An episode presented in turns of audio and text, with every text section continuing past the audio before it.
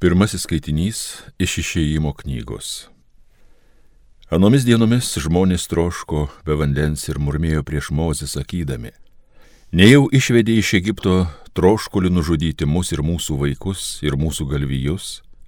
Mozė šaukėsi viešpaties ir sakė, ką aš turiu daryti su šia tauta, dar truputį ir jie ims mane akmenėmis mušti. Viešpats tarė Mozijai, eik ir atsistok prie žmonės, Pasiimk su savimi keletą Izraelio seniūnų, laikyk rankoje lasdą, kurią sudavė į Nilą ir eik. Tikėk manimi, aš stovėsiu ten prieš tave ant uolos prie Horebo. Suduok į uolą ir ištekės iš jos vanduo žmonėms atsigerti. Moze Izraelio seniūnų akivaizdoje taip ir padarė. Jis pavadino tą vietą Masa ir Meriba dėl to, kad izraeliečiai barėsi ir mėgino viešpatį sakydami, ar yra viešpats tarp mūsų ar ne. Tai Dievo žodis.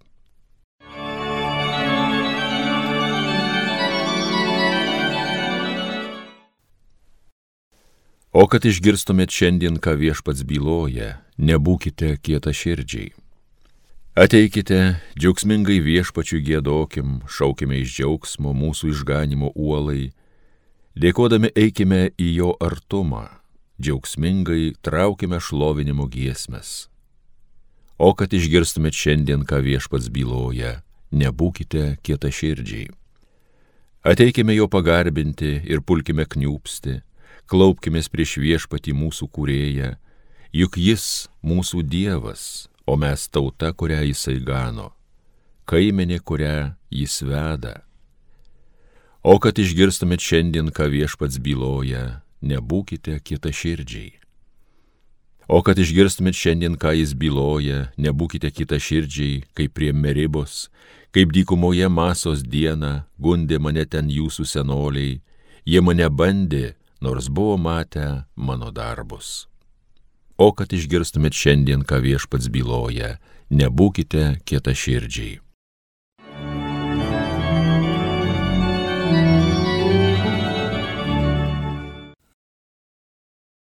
Antrasis skaitinys iš Šventojo Paštalo Pauliaus laiško romiečiams.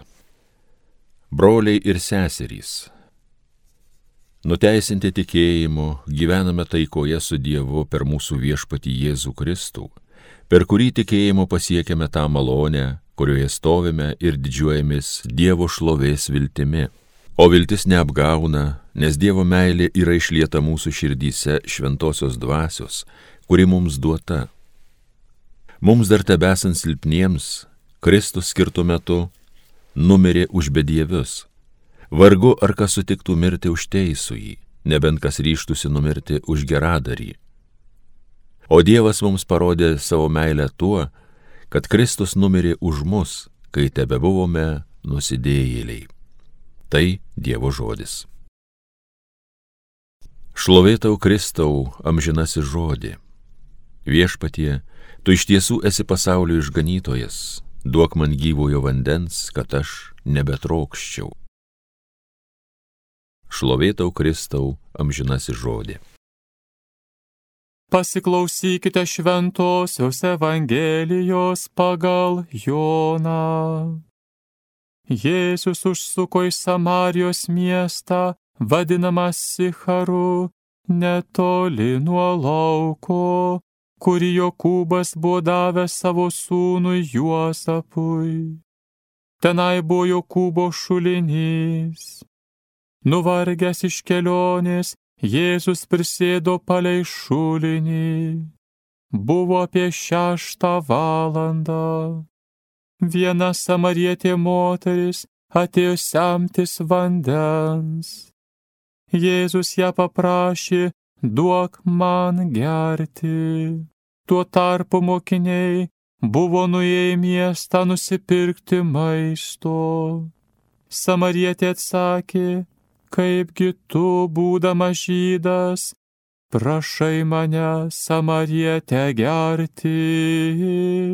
Mat žydai nebendrauja su samariečiais.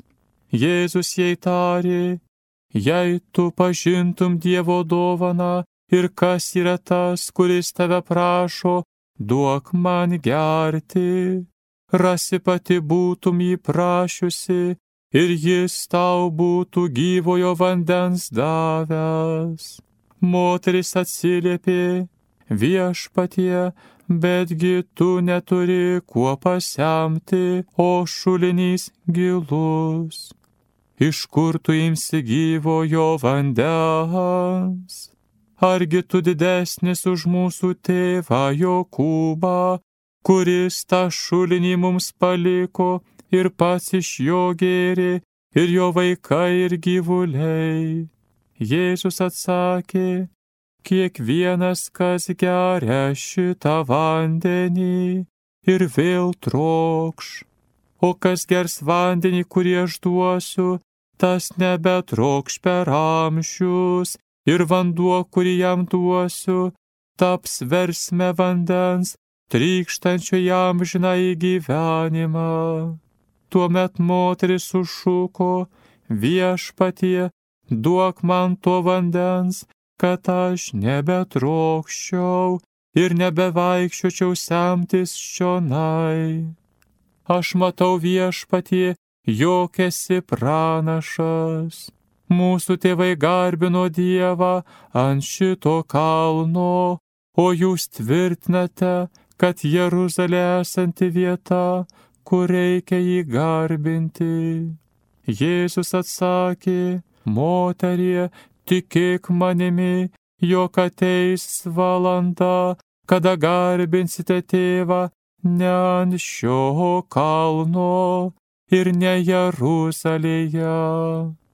Jūs garbinate, ko nepažįstate, o mes garbiname, ką pažįstame, nes išganimas ateina iš žydų, bet ateis valanda, jau dabar ji yra, kai tikrie garbintojai šlovins tėvą dvasia ir tiesa, ir pats tėvas tokių garbintojų ieško. Dievas yra dvasia, ir jo garbintojai turi šlovinti jį dvasia ir tiesa. Moteris jam sako, aš žinau, jog netrukus ateis Mesijas, tai yra Dievo pateptasis. Atėjęs jis mums viską paskelbs. Jėzus jai taria, tai aš, kuris su tavimi kalbu. Daug samariečių iš ano miesto įtikėjo Jėzų dėl moter žodžių. Jis man pasakė viską, ką esu padariusi. Atėję samariečiai prašė jį pasilikti pas juos ir jis ten pasiliko dvi dienas. Dar daugiau žmonių įtikėjo dėl jo pamokslų. O moteriai jie pasakė, dabar mes tikime ne dėl tavo šnekos. Mes patys išgirdome ir žinome, kad jis iš tiesų yra pasaulio išganytojas. Girdėjote viešpatie žodį. Mėly Marijos radio klausytojai, žmonijos istorijoje yra laikai prieš Kristų ir po Kristaus. O daugelio žmonių gyvenime yra laikas be Kristaus ir su Kristumi. Tik prisiminkime Paulių, Ignacą Lojolą, Augustiną, Polį Klodėlį. Pažvelkime ir į tą samarietę šiandien su Jėzumi prie šulinio. Taigi visų jų gyvenimas su Kristumi ir be Kristaus skiriasi kaip diena nuo nakties. Jei tų žmonių paklaustum, ką tau reiškia Jėzus Kristus, jie visi be abejo atsakytų, visiškas mano gyvenimo pasikeitimas. Aiškiausiai tai matome krikščionių persekiotojo Sauliaus asmenyje, tapusio šventuoju apaštolu Pauliumi. Nebe aš gyvenu, bet Kristus manyje gyvena, sakė jis. O šiandien Evangelija taip daug pasakoja apie Samarietę. ji prie šulinio atėjo vandens ir ten netikėtai sutiko Jėzų. Ir staiga prasidėjo kalba apie žmogaus gyvenimą ir laimę. Kai kam gali pasirodyti, kad tai tik atsitiktinumas. Bet atkreipkime dėmesį, kad Jėzus gerai žinojo apie samarietės gyvenimą. Tas susitikimas todėl ir įvyko, kad ji taptų visai kitokia moterimi. Kai įsigiliname į Jėzaus ir samarietės pokalbį, suprantame, suprantame, kur yra tikras laimės šaltinis ir kokiu keliu reikia į laimę eiti. Jėzaus mokymas niekada nesikeičia. Pažvelkime arčiau, įsigilinkime. Moteris be galo stebisi, kad Jėzus su ją kalba, juk jis žydas, o jis samarietė, lengva būti, paviršutiniška moteris. O juk žydai apskritai nebendrauja su samariečiais.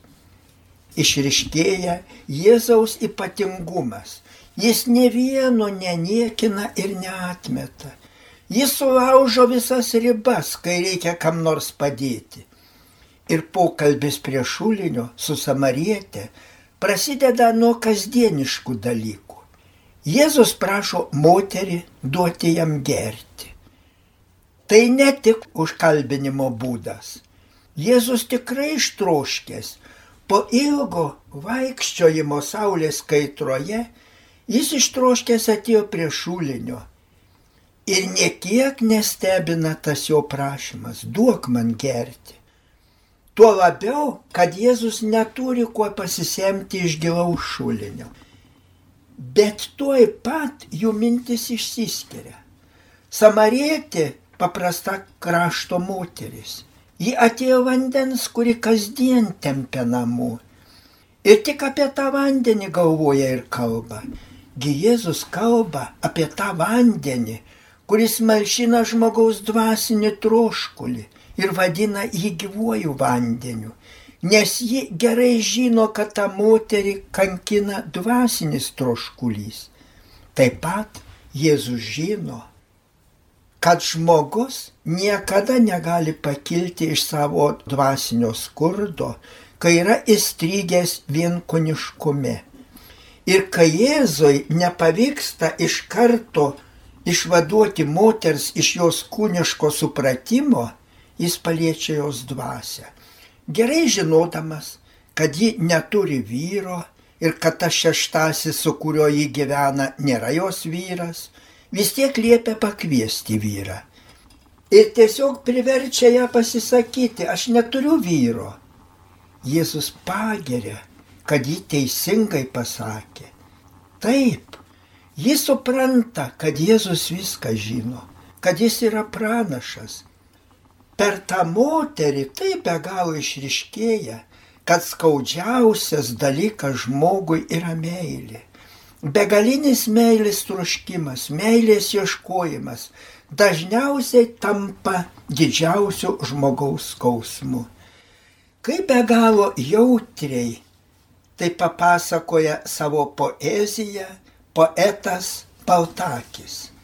Nuo meilės niekur nepabėgsi, jinai tave visur paves.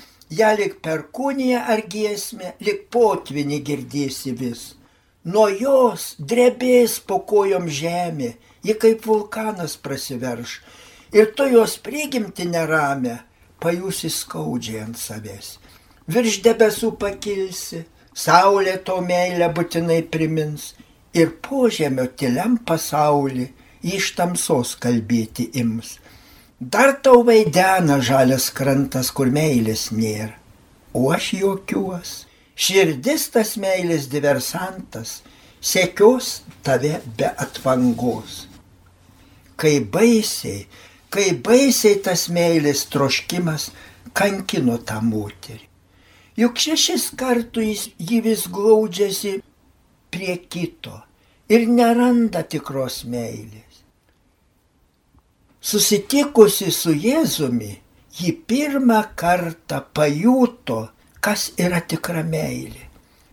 Jėzus kalba tokiai, kuri visuose savo vadinamos meilės istorijose niekaip negalėjo pasotinti savo meilės troškulio. Ir jos dvasia darėsi vis labiau atbukusi nuo to nepasotinamo troškulio. Neduok Dieve tokio gyvenimo, neduok Dieve. Jėzus pajudino tos moters dvasę ir tiesiog privertė ją susimastyti ir klausti save, kasgi aš esu, kurgi yra mano tikro gyvenimo šaltinis. Žinokime, tai klausimai visiems mums. Šituo keliu, per visas aistras, kurios ją iki šiol slėgė, ši moteris vedama į dvasios aukštumas blaškėsi iki šiol, blaškėsi per troškimus iš vienos laimės svajonės į kitą, o Jėzus jai parodė tikrą meilę, ją išgydė. Karolis Gustavas Jungas, vienas didžiausių pasaulio psichologų, psichiatrų, psichoanalitikų, rašė, tikras žmogaus dvasinis išgyjimas yra religinis. Be religinio nusiteikimo niekas pilnai neišgyja. Tik sutikęs Dievą dvasinį išgyja žmogus. Tas Dievo ir žmogaus susitikimas įvyksta žmogaus dvasios gilumoje. Šventasis Augustinas rašė. Deus interior intimo meo Dievas yra manyje daugiau negu aš pats esu savyje. Po pokalbio moteris, net pamiršusi asoti, visiškai pakeista nubėgo į miestą ir šaukė kitus žmonės pas Jėzų. Ir mes visi, primdami Jėzų, trokštame visus patraukti pas jį, patraukti į jo meilę, į tą amžiną laimės šaltinį. Visi brangieji Marijos radio klausytojai melskimės, kad visi žmonės suprastų tikrą meilę. Kaip dabar baisiai žmonės blaškosi, kai nesusituokia, o tik tai susideda ir paskui eina vis į kitą ir į kitą meilės ieškojimą. Koks baisus yra žmogaus tas nepasotinamas meilės troškimas ji gali atrasti, gali tu žmogau kiekvienas atrasti tik su Dievu, su Jėzumi, su jo mokymu. Melskime, kad tai visi suprastų ir mūsų valdžios žmonės, kad neardytų šeimų, kad nevadintų šeima susidėjusių vyrų su vyru, moter su moterim. Tikroji šeima Dievo patvarkymu yra vyro ir moters šeima. Ir toji šeima prisiekia prie altoriaus ištikimybė meiliai visam gyvenimui. Melskime, kad visi žmonės tai suprastų, kad niekas neieškotų vietoj meilės visokių seksualinių poreikių patenkinimo, kad visi suprastų, kad be tikros meilės žmogus negali gyventi. Amen.